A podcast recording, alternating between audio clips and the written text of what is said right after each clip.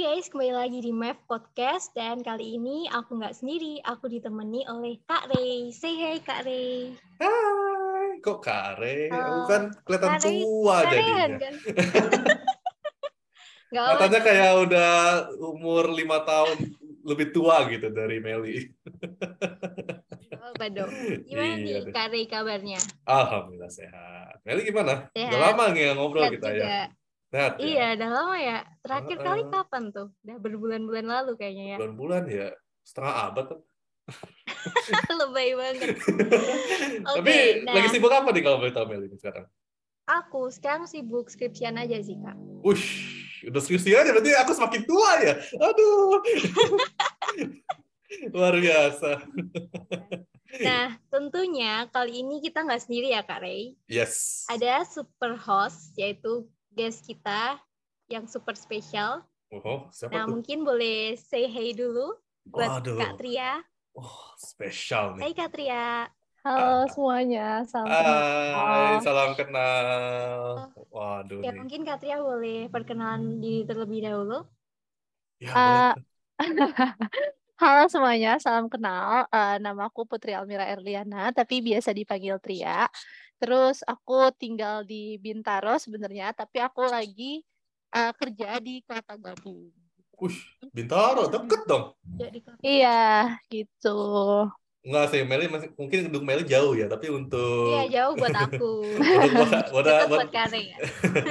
iya di BSD, Tria tahu kan BSD? Oh, tahu lah. Iya, tahu. Iya. Aku sering main ke sana sih Kak kebetulan. Oh, di mana? Di eh, banyak sih di sektor atau enggak di Puspita Loka gitu-gitu. Hmm, ya ya ya ya ya ya. Terus kalau boleh tahu nih Tria kesibukannya ngapain aja? Sel- Aku kerja, sekarang lagi kerja sih. Di makanya tadi aku bilang kerjanya di Kelapa Gading, jadi aku uh, stay-nya di Kelapa Gading dan di Bintaro gitu. Maksudnya di Bintaro kan rumah orang tua, terus kalau di Kelapa Ga- Oh, kalau di Kelapa Gading itu aku nggak apart gitu sih, karena kayak lumayan deket kan nih Bintaro Kelapa Gading kalau pulang pergi gitu kan. iya sih. Jadi kayak aku uh, memutuskan untuk ya udah uh, kayak kata gue stay di sana supaya nggak terlalu makan waktu dan biaya sih kalau pulang pergi Bintaro Kelapa Gading gitu. Hmm. Sebagai apa tuh kalau boleh tahu Tria? Aku kerja di TikTok sebagai live streamer host dan sebagai talent juga sih sebenarnya. Meli banget. eh, maling banget. Eh, jangan salah Meli ini dia apa ya? eh, model ya Meli ya kalau denger-denger ya. Eh apa? Oh, udah sih, apa masih nih? Merintis, masih merintis. Merintis. Tuh, Boleh tuh kerjasama tuh Tria tuh. Nggak heran Model. sih tapi nggak heran. Ya, jadi kecantikan-kecantikan kan. Tuh, Meli itu nomor satu tuh. Bisa diajak tuh nanti. Kalau Bisa bahasanya kalian aja, nanti. bisa. Bisa Oh, ya, lah, masa Satria nggak kalau- bisa? Satria kalau boleh tahu dulu kuliah di mana kak? Hmm.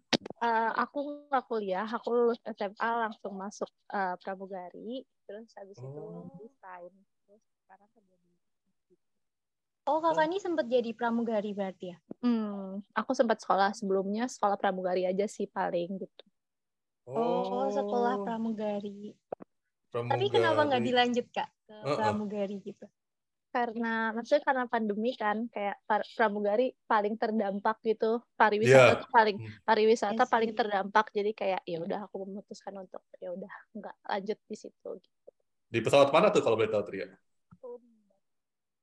Di mana? Maaf. Batik. Batik. Oh, batik. Batik Air. Oh, Batik, batik. Bukan wayang ya, batik tapi ya. Eh ada nggak wayang air nggak ada ya? Nggak ada deh. batik, adanya batik ya. Oh, jadi langsung SMA pramugari jadi tiktokers gitu. Hmm, sebenarnya dibilang tiktokers juga nggak juga karena Nggak kerjaan juga. aku kerjaan aku bukan yang eh, bikin kontennya, tapi aku mau memfokuskan untuk bikin konten pribadi sih, maksudnya di akun pribadi gitu, tapi lebih ke kerjaan aku tuh lebih ke jatuhnya kayak stylist gitu sih kak, cuman kalau kakak tahu jadi live streamer host, jadi kita kayak eh, misalkan megang suatu brand, terus habis itu kita jualan brand tersebut gitu. Oh, Oh lebih ke live-nya ya kak? Mm-mm, betul. Oh, bentar-bentar. Itu bukannya Meli juga Mel? enggak loh. Ada kan di Instagram kan Meli juga kurang lebih sama deh. Tapi aku nggak pernah nge-live sih kalau di TikTok. Enggak ya? Oh, Enggak, di TikTok aku belum pernah nge-live sih. Nggak pernah Kalau nge-live? di IG kan iya, Iya. aku kan lebih ke bikin reels kan. Lebih ke Oh. bikin reels kan. Reels doang ya. Berarti nggak coba-coba tuh live di TikTok atau di mana gitu, Instagram juga nggak. Belum sih, belum. Belum. Tapi rencananya udah kepikiran sih pengen nyoba gitu. Oh, ada tuh sang guru tuh. Tria boleh diajarkan nanti ya setelah off record Ya, berarti. nanti spill ya kak.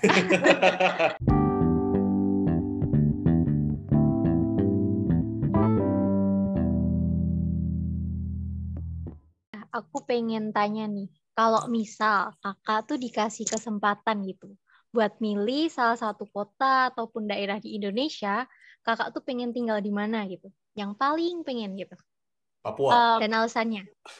eh, paling pengen kenapa aku ada dua tempat sih sebenarnya boleh dua nggak sih Hal- apa satu? boleh, boleh sampai 10 juga juga nggak masalah. Se- Se NTT juga nggak masalah. Eh, ada dua yang pertama di Bandung yang kedua Hmm. di Padang alasannya kenapa karena eh, kalau Bandung kayak aku pernah tinggal aku kan emang waktu sebelum aku masuk maskapai itu aku memang ngerantau ke sana ke sini ke sana sini gitu kan Hmm. Terus abis itu eh setelah itu aku kayak aku pernah ada tinggal aku sempat eh, kebetulan sekolah pramugari aku di Jogja pada saat itu. Nah, aku di Jogja 4 bulan sama di Bandung 10 hari, aku jauh lebih nyaman aku di Bandung 10 hari daripada aku di Jogja 4 bulan. Padahal kata orang kayak Jogja tuh kota yang nggak bisa dilupain dan segala Hmm, macam, tapi hmm. aku nggak merasakan itu pada saat itu. Nah, menurut aku kayak kenyamanan suatu kenyamanan tempat itu bisa didapatkan dari lingkungannya. Nah, kenapa aku pilih Bandung? Ya menurut aku lingkungannya kayak ya memang enak aja gitu lingkungan di sana dingin, terus habis itu orang-orangnya juga yang ya ada mungkin orang yang jahat, di semua tempat pasti ada orang jahat, Iya, tapi pastilah. most ya Pasti, pasti. itu kayaknya nggak bakal nggak- mungkin nggak ada kayak ada Iya, semua deh. iya. Terus habis itu cuman maksud aku kalau di Bandung tuh mostly memang orangnya kayak yang ramah-ramah kayak gitu. Dan Hmm. mereka Hmm. uh, lebih senang membantu gitu sih orang-orangnya kayak bahkan kalau misalnya kita baru kenal sama orang baru mereka tuh mereka bahkan kayak welcome banget gitu kalau ini menurut Tria pribadi ya ini menurut aku pribadi. Hmm. terus habis itu kenapa mau di Padang karena pa- pertama papa tuh orang Padang. Papa orang Padang Oke. terus habis itu tapi aku dari kecil tuh kayak pengen aku bener-bener yang pengen banget gitu ke Padang. Karena waktu itu tuh kayak aku ngeliat eh, kakak kelas aku ada yang orang Padang juga. Terus di Padang tuh view-nya bener-bener pemandangannya sebagus itu. Kalau kalian lihat Padang itu ba- bagus banget. Terus Iya. kayak dan di sana juga banyak tempat-tempat yang kayak dingin kayak gitu-gitu. Udah sih Hmm. alasannya itu. Jadi kayak emang eh, kenapa aku maksudnya kalau untuk di Indonesia ya kenapa aku memilih dua tempat itu karena memang lingkungan sih menurut aku lingkungan itu sangat berpengaruh kayak bikin kita nyaman atau tidaknya seperti itu Oh. Setuju banget, setuju banget. Berarti Gitu. kalau secara garis merahnya itu Tria ini lebih nyari yang tempat dingin-dingin berarti ya? Iya, karena aku nggak suka panas, kak. Aku nggak oh, bisa suka panas. panas. Oh. Hmm. Nggak Oh. bisa, aku bener-bener nggak bisa panas. Dan itu Berarti- semua orang kayaknya udah tahu gitu sih, kak. Oh, berarti kutub selatan tuh cocok buat Tria. Ah, betul. Berarti Betul, Jogja dulu panas ya, aku, Kak? aku sampai eh, Jogja lumayan sih. Eh, Lumayan. aku sampai dulu pas SMA teman-teman aku kayak ngatain aku kayak beruang kutub gitu-gitu karena karena memang aku beneran aku bahkan di kayak sekarang makan dari tadi aku ngeliat AC kayak kok panas banget kayak gitu aku di ruang AC pun aku bisa berkeringat kak aku di ruang AC beneran aku di ruang AC pun aku berkeringat waktu itu di SMA aku jadi ada ini yang selalu kayak semua orang kayak tahu gitu aku di SMA aku tuh eh, aulanya AC tuh ada 6 kak Hmm. AC ada 6 dan itu dinyalain kayak 18 gitu deh kalau nggak salah 18 Bolas.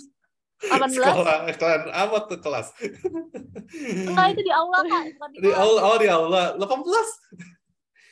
iya maksudnya kayak eh, di situ semua orang kedinginan sedangkan aku bener-bener kepanasan dan aku kayak berdiri di bawah AC kak bayangin AC-nya ada 6 dan aku masih kepanasan Itu tuh ruangan aula tuh bisa buat nyimpen daging tau nggak? Gila sih. Segitu masih kepanasan luar biasa Putri ini. tapi memang separah itu kak maksudnya apa pun yang berhubungan sama panas ya kayak kepanasan hawa panas cuaca panas itu aku nggak bisa kemarin terakhir aku abis panas-panasan sama temen aku emang eh, lumayan lama dan itu naik motor dan itu lagi kayak jam 12 siang Nggak- lagi Heeh. terik-teriknya banget nggak lama. emang aku posisinya lagi eh, udah beberapa minggu sebelumnya aku lagi sakit tapi pada saat itu kok di hari itu aku lagi baik-baik aja gitu nah tiba-tiba Hmm. di hari itu tiba-tiba eh, aku kan ke kantor terus habis itu mau ada syuting dan live gitu kan nah pas syuting itu aku badan aku langsung gemeteran dari ujung rambut sampai ujung kaki badan aku gemeteran terus Hmm. habis itu eh, badan aku gemeteran habis itu kayak udah aku udah panas banget udah panas tinggi gitu habis itu langsung masuk rumah sakit langsung diinfus segala macem Waduh. Itu Makanya jadi gara-gara kepanasan, Kak. Iya, Iya. nggak- boleh panas dikit berarti nih si Tria nih. emang emang nggak bisa kan makanya itu parah Oh. banget aku Berarti kalau di tempat Bekasi gitu itu tuh bukan buat tempatnya itu. Tangerang Selatan ada- gitu kan. ada satu fun fact lucu kak semua orang pengen tinggal di Bali aku nggak mau tinggal di Bali Nah, itu Hal- dia yang mau aku Enggak, ya Ba- Bali, Bekasi, Tangerang Selatan juga salah satunya panas juga sih. tapi maksudnya kalau Tangerang Selatan tuh masih bisa ditoleransi gitu loh kak Oh, cuma kalau masih? Bali kalau menurut aku makanya kan orang ke Bali karena pengen ten kan aku pas Hah? kemarin ke Bali aku langsung kayak nggak nggak nggak gue tuh bukan gue nggak cocok tinggal di sini gue nggak bisa tinggal di sini Ya, dia cocoknya itu di mana di kutub utara sama penguin.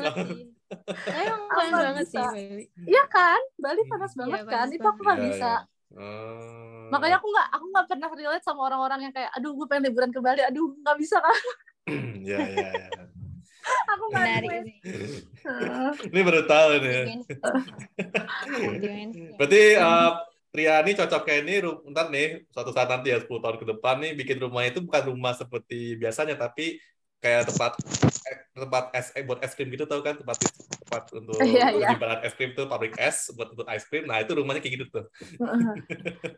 Atau kadang misalnya kalau misalkan kan teman-teman aku suka pada nginep gitu kan baik di rumah ataupun di apart. Aku dari awal udah ngasih tahu aku nggak bisa ya aku nggak bisa panas. Aku dari awal udah ngasih tahu kayak gini.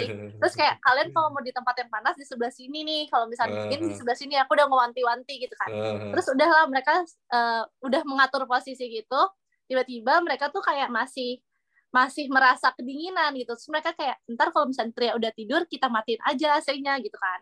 Udahlah. Terus dimatiin tapi berhubung saya ini sangat bisa kena panas ya kan. Terus mereka matiin nggak lama kemudian lima menit kemudian kayak aduh panas banget. Terus aku ngeliat AC siapa yang matiin AC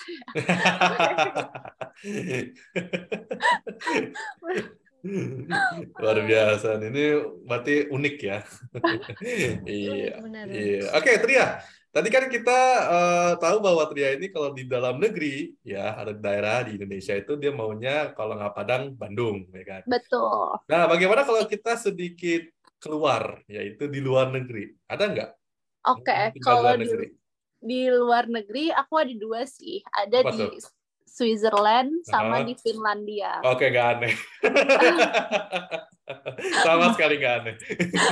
Ya, Soalnya dingin. kirain ya, kirain ya ngomongnya di Dubai atau di Abu Dhabi gitu kan. Oke lah, itu, itu kan agak aneh tuh. Kok bisa?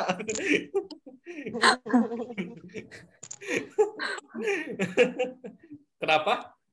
Selain nggak, oke, pasti kita tahu ya kalau kenapanya itu mungkin karena dingin ya. Tapi ada nggak yang lain selain dingin? Tria. kalau Switzerland emang karena enak aja sih maksudnya kayak Hmm. view-nya juga bagus kan kayak gunung-gunung oh ya aku fun fact aku lebih suka gunung daripada pantai ya kan itu sudah tidak diragukan lagi Oh, suka gunung Iya ya? lah. Oh, itu udah sudah tidak perlu Sama kayak gua dong, gua juga suka gunung. Gunung-gunung. tidak perlu diragukan lagi gitu Ah, kan iya, iya, iya. terus abis itu Cakep gitu lihatnya ya, kalau gunung-gunung gitu ya. Apalagi kalau gunungnya iya ada Dan identik dingin gitu juga ya. kan, Kak, Ah, benar. kebetulan. Ah. Terus habis itu kalau misalkan di Finland, kenapa aku mau di Finland? Karena menurut penelitian Finland adalah negara terbahagia di dunia. Ya, Oh iya. oh Iya, jadi si Tria mau jadi salah satu dari mereka gitu. Iya betul, maksudnya kayak Biar eh, aku bahagia. merasa di enggak, bukannya aku sekarang nggak bahagia, aku bahagia gitu lah.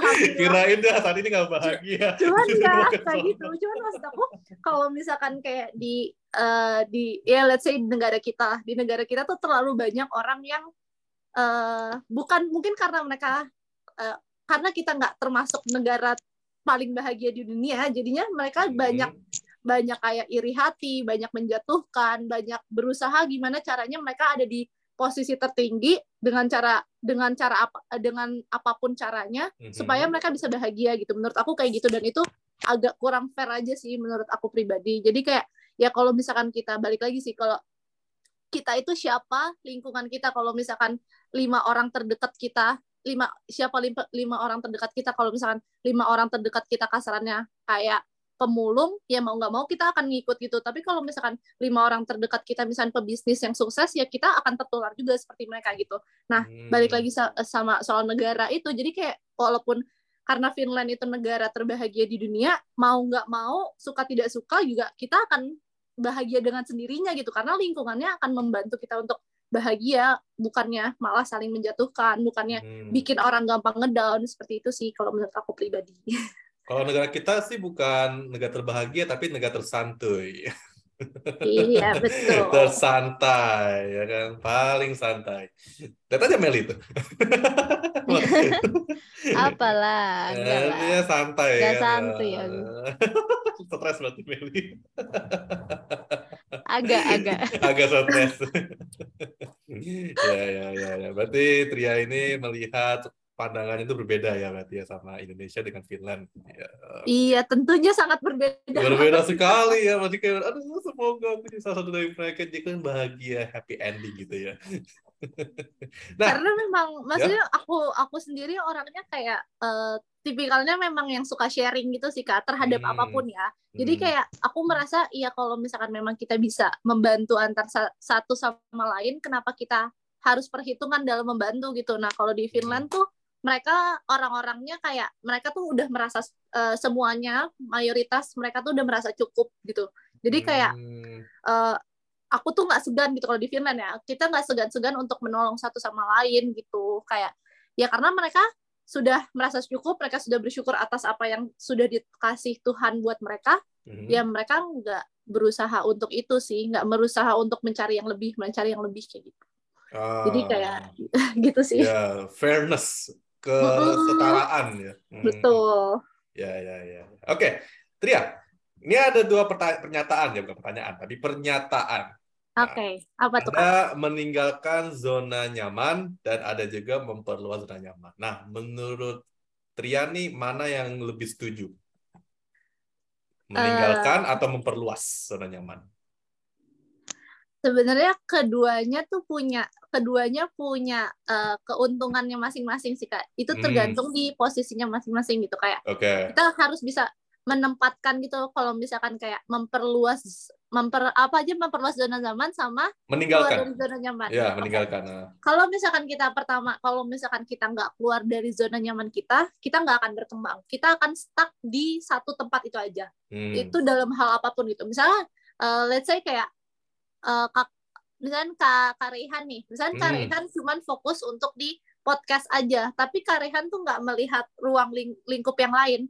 Itu tuh kayak dari secara maksudnya untuk podcastnya Kak Rehan sendiri itu juga nggak akan bisa berkembang. Karena kakak close minded gitu loh kak kasarannya. Kakak nggak Hmm, menutup hmm, kakak nggak membuka peluang-peluang lain untuk masuk ke kakak gitu. Nah, sedangkan kalau misalnya kita keluar dari zona nyaman, ya yang namanya keluar dari zona nyaman itu pasti nggak enak karena kita akan belajar hal baru gitu, kita akan berproses lagi. Nah, tapi di mana caranya kalau misalnya kita keluar dari zona nyaman itu? Ya memang memang itu tujuannya keluar dari zona nyaman supaya kita banyak belajar tentang hal-hal yang sebelumnya kita belum dapetin gitu. hmm. Tapi kalau kalau misalkan kita stuck di zona nyaman kita terus, ya kita nggak akan bisa berkembang gitu. Kemampuan kita ada di situ-situ aja. Kapabilitas kita nggak akan naik gitu. Kalau menurut aku ya, itu yang pertama. Tapi kalau misalkan kita memperluas zona nyaman, misalnya, itu juga eh, jadi keduanya sama yang tadi aku bilang keduanya tuh sama-sama punya keuntungannya masing-masing dan harus diposisikan di tempat yang pas gitu.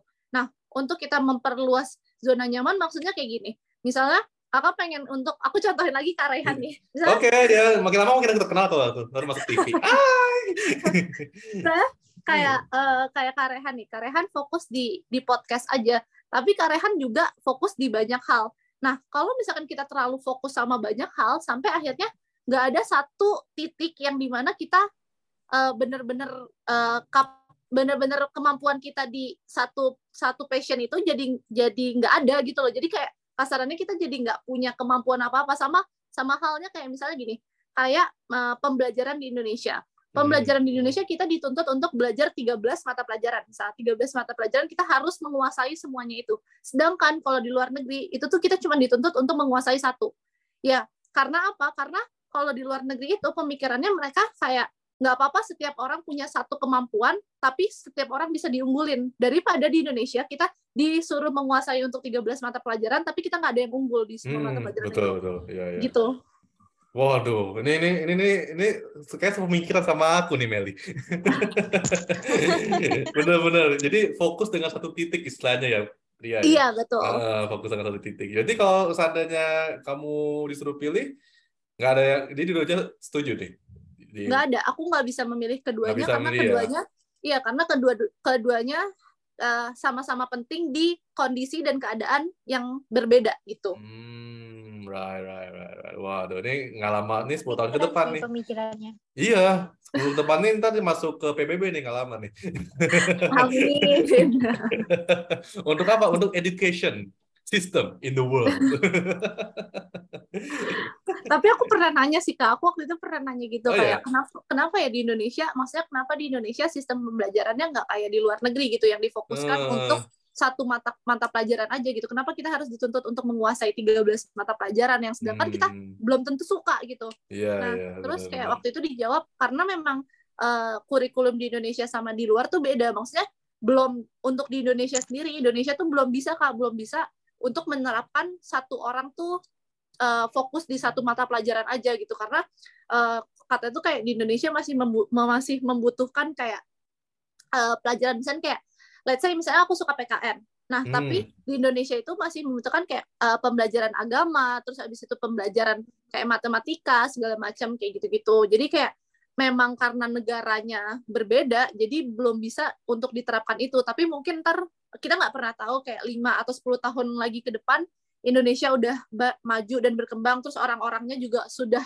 pemikirannya sudah lebih maju, ya mungkin eh, setiap orang bisa untuk difokuskan ke eh, pelajaran yang mereka suka gitu. Bahkan kayak Hmm, kalau misalkan di stigma di Indonesia ya mostly kayak kalau lo nggak pinter matematika ya udah berarti lo secara akademik memang kurang gitu. Tapi hmm, padahal kalau di luar negeri ya kalau misalkan kita nggak pinter matematika tapi pinter misalkan eh, misalkan karehan nih karehan suka nyanyi. Tapi Hmm. kakak karehan pinter nyanyi itu benar-benar diapresiasi banget gitu. Nah bedanya di Indonesia Hmm. sama di luar negeri itu itu sih kak. Kalau misalkan di luar negeri semua orang itu tuh mengapresiasi apa pun gitu kak. Mem- mengapresiasi kerjaan sekecil apa pun. Nah sedangkan kalau di Indonesia tuh karena biaya hidupnya murah apa segala macam murah jadi lebih kayak menggampangkan gitu kak kayak sebatas misalkan pekerjaan ART deh. ART di Indonesia itu dianggap dianggap remeh banget kan. Kayak ah gaji lo berapa sih? Sedangkan kalau di luar negeri ART itu di benar-benar dihargain banget. Karena apa? Karena orang yang bisa yang bisa punya ART adalah orang-orang kaya. Hmm, jadi hmm, menurut ya, aku ya, ya. itu sih balik lagi karena kepemikiran orang-orang Indonesia masih belum sampai di tahap itu gitu. Hmm. Oke, eh, terbuka gitu ya. Ya, lah terbuka. To- Mm, eh, tolong betul, Meli, betul. Meli tolong ya dicatat nanti ada private communication sama Ria nanti sama aku, oke? Oh, siap. ya, oke lanjut ya kita langsung balik ke topik. Eh Ria, menurut lo, apakah ada nih ya, let's say ada skenario seor seseorang nih yang sudah bekerja bahkan menikah, terus punya anak, anaknya ada 50 gitu, karena dia punya goal untuk bikin eh, tim sepak bola misalnya. Mm-mm. Tapi orang itu masih tinggal serumah dengan orang tuanya. Itu gimana tuh? Si gimana gimana si anak Oke, pengen- oke. Jadi anak ada orang nih masih tinggal serumah dengan orang tuanya, padahal Ah, ah. sudah bekerja bahkan menikah. Nah itu aja. Heeh. Nah itu menurut pandangan Tria itu gimana? Apakah Terus si itu si anaknya ini tadi punya anak 50 gitu kan. enggak, itu sebagai contoh aja. Kirain enggak, enggak, kirain enggak. anaknya itu berkondisi. Oke. itu, itu kayaknya nggak mungkin. itu butuh istri minimal lima. Tapi kalau kakak tahu di India apa di mana gitu ada orang Ada, yang punya ya. anak sampai 99 anak gitu. Oh, istrinya berapa tuh? Satu tetap. Enggak, istrinya istrinya juga banyak. Oh Kalau ya udah makanya kan nggak mungkin istri satu itu 50 anak nggak mungkin. si Bey langsung bengong. Oke oke. Jadi gimana pandangan Tria gimana tuh?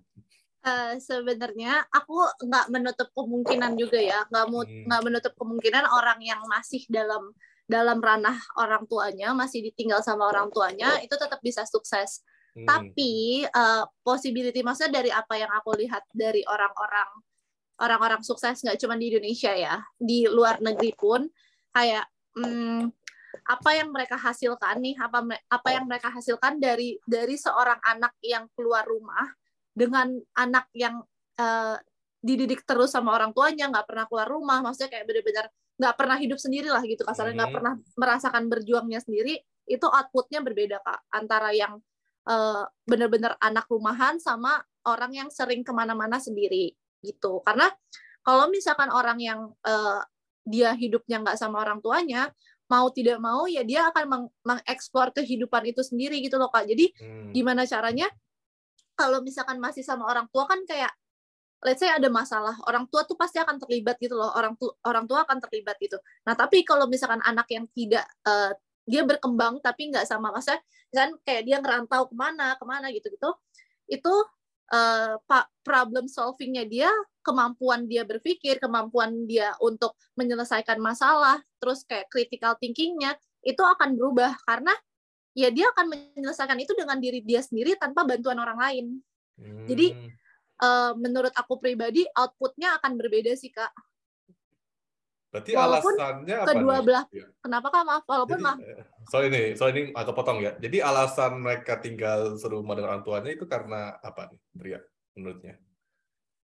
ya bisa aja misalnya dari orang tuanya eh, Hmm. yang kayak banyak teman-teman aku yang pengen ngekos tapi orang tuanya kayak ngapain sih ngekos kan belum ada maksudnya kayak nggak ada nggak ada apa-apa nggak ada tujuannya ngekos kayak eh, misalnya dia kampusnya di Jakarta rumahnya di Bintaro dia pengen ngekos ya kenapa emang kenapa kamu nggak pulang pergi aja Bintaro Jakarta gitu. Hmm. sampai ada satu temen aku yang bilang kayak gini dia bilang kayak Tri lu tau gak sih gue tuh pengen banget nikah gitu. Kenapa? Aku tanya gitu kenapa? Gue pengen banget nikah cepet-cepet supaya gue bisa keluar dari rumah. Oh gitu. sampai segitunya karena kayak ya memang kalau misalkan kita masih kasarnya masih diketek orang tua terus ya udah kita nggak akan nggak bisa sukses cuman yang tadi aku bilang untuk output kedua belah pihak itu akan berbeda suksesnya gitu Hmm, betul. Hmm. gitu Ada yang cepet-cepet pengen nikah ya? ada Temen Aku aku saking- nikah gitu. iya itu saking karena dia pengen keluar dari rumahnya kak bener-bener Oh, dia, oh, berarti- dia bilang kayak gue tuh pengen banget ngerasain tinggal sendiri gitu soalnya nggak pernah kata dia gitu Oh, kurang harmonis berarti itu keluarganya berarti. Eh, belum tentu juga sih Belum kak tentu juga ya. seharmonis harmonisnya orang kadang kayak masih butuh gitu sih Oh, berarti mungkin ini kali ya apa eh, beda pendapat di partai kali. Aduh. Jadinya Ngeri nih, podcastnya bawa-bawa partai Enggak, enggak, enggak, enggak, enggak. Kita enggak ada politik di sini, oke? Ingat itu.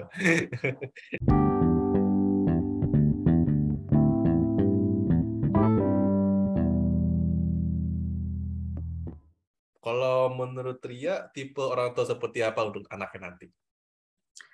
yang pasti komunikatif itu udah pasti maksudnya eh, aku lumayan dari keluarga yang agak strict parents Mhm. Terus akhirnya karena strict itu jadi kayak eh, banyak hal-hal yang mungkin orang-orang tuh bisa bisa eh, sharing ke orang tuanya, tapi aku nggak bisa gitu. Aku nggak mendapatkan itu gitu. Kayak hmm, misalnya sebatas eh, orang misalnya kayak misalnya Karehan nih, Karehan punya Hmm. punya punya pacar gitu. Karehan punya pacar, terus Maaf, Karehan masih bisa- single kok. misalnya kak, misalnya. Enggak, enggak, agak agak ngena ya. agak galau juga ini aku. ya, gimana, Misalnya, gimana? misalnya Karehan punya pacar terus Hmm. kayak Karehan bisa sharing nih ke orang tua kakak iya pacar Hmm. aku gini gini gini terus kayak Hmm. kak mah eh, aku ada masalahnya kayak gitu gitu nah ini untuk orang orang beberapa anak yang strict parents tuh pasti agak relate sama aku gitu kayak Hmm. ada eh, masalah bukan masalah maksudnya ada beberapa cerita-cerita tertentu yang memang kita nggak bisa sharing itu ke orang tua gitu kayak ya cuman paling ujung-ujungnya ke sahabat ke teman kayak gitu Hmm, hmm. Nah, padahal sebenarnya adalah sebaik-baiknya tempat cerita adalah memang orang rumah gitu, bukan orang di luar rumah gitu. Hmm. Nah, tapi ya itu sih apa yang mau aku terapkan sih lebih ke komunikatif karena uh, kita hidup di zaman yang berbeda. Tentunya aku dengan anak aku itu hidup di zaman yang berbeda. Jadi gimana caranya uh, pada saat misalnya anak aku umur 15 tahun aku memposisikan diri aku di posisi 15 tahun juga. Nanti pada saatnya anak aku udah umur 25, aku akan memposisikan diri aku di umur 25, 25 juga. Jadi ya. gimana caranya supaya aku bisa menjadi sahabatnya dia, bisa menjadi tempat ceritanya dia perihal apa pun, perihal uh, dari masalah kecil sampai masalah besar. Jadi kayak ya dia tahu kalau misalkan dia ada uh, ada cerita baik itu senang ataupun sedih, dia tahu tempat untuk berceritanya siapa gitu. Oh. Lebih ke komunikatif sih kalau aku. Ya, jadi itu bisa juga anaknya itu lebih percaya diri ya untuk mm -hmm. ngomong nanti ya, karena Dan dia juga, ngeliat Hmm? Iya, maksudnya ini berdasarkan apa yang aku rasakan gitu loh. Uh. Jadi kayak aku nggak mau, maksudnya banyak hal-hal yang aku nggak mau anak aku merasakan seperti aku dan juga aku nggak mau uh, banyak hal-hal yang aku nggak mau dulu. Eh, aku sebagai anak nih kayak gini loh. Aku nggak mau anak aku tuh kayak gitu juga sebagai oh, anak gitu. Yeah.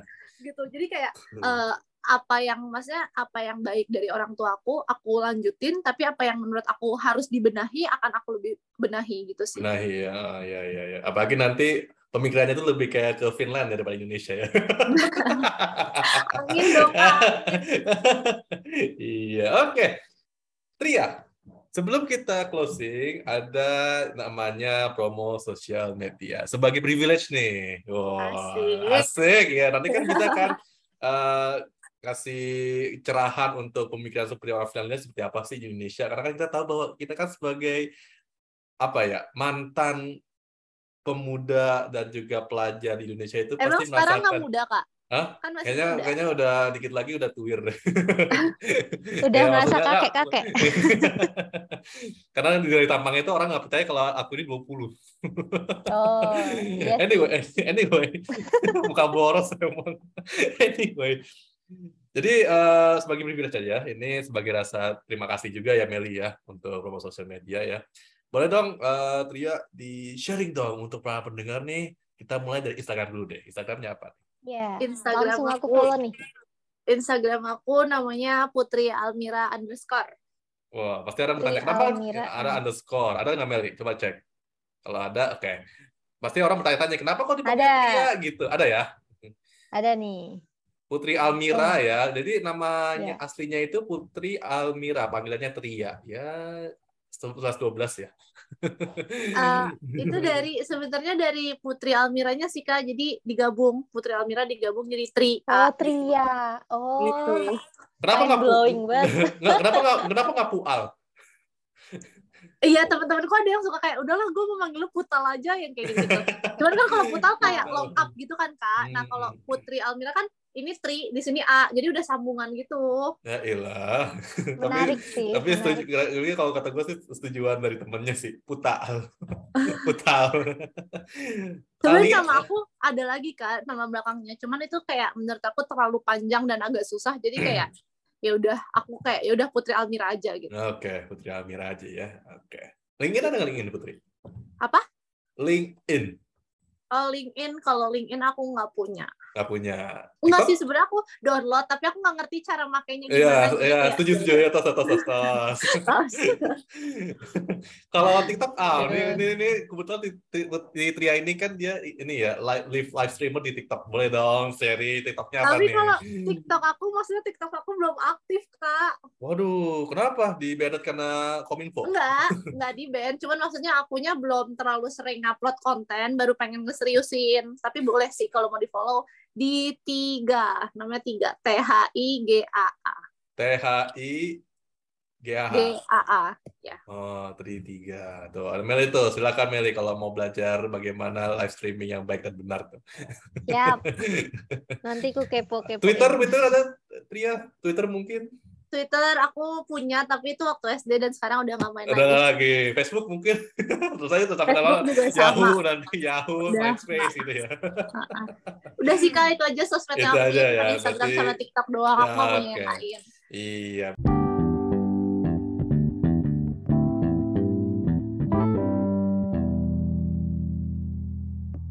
Oke. Okay.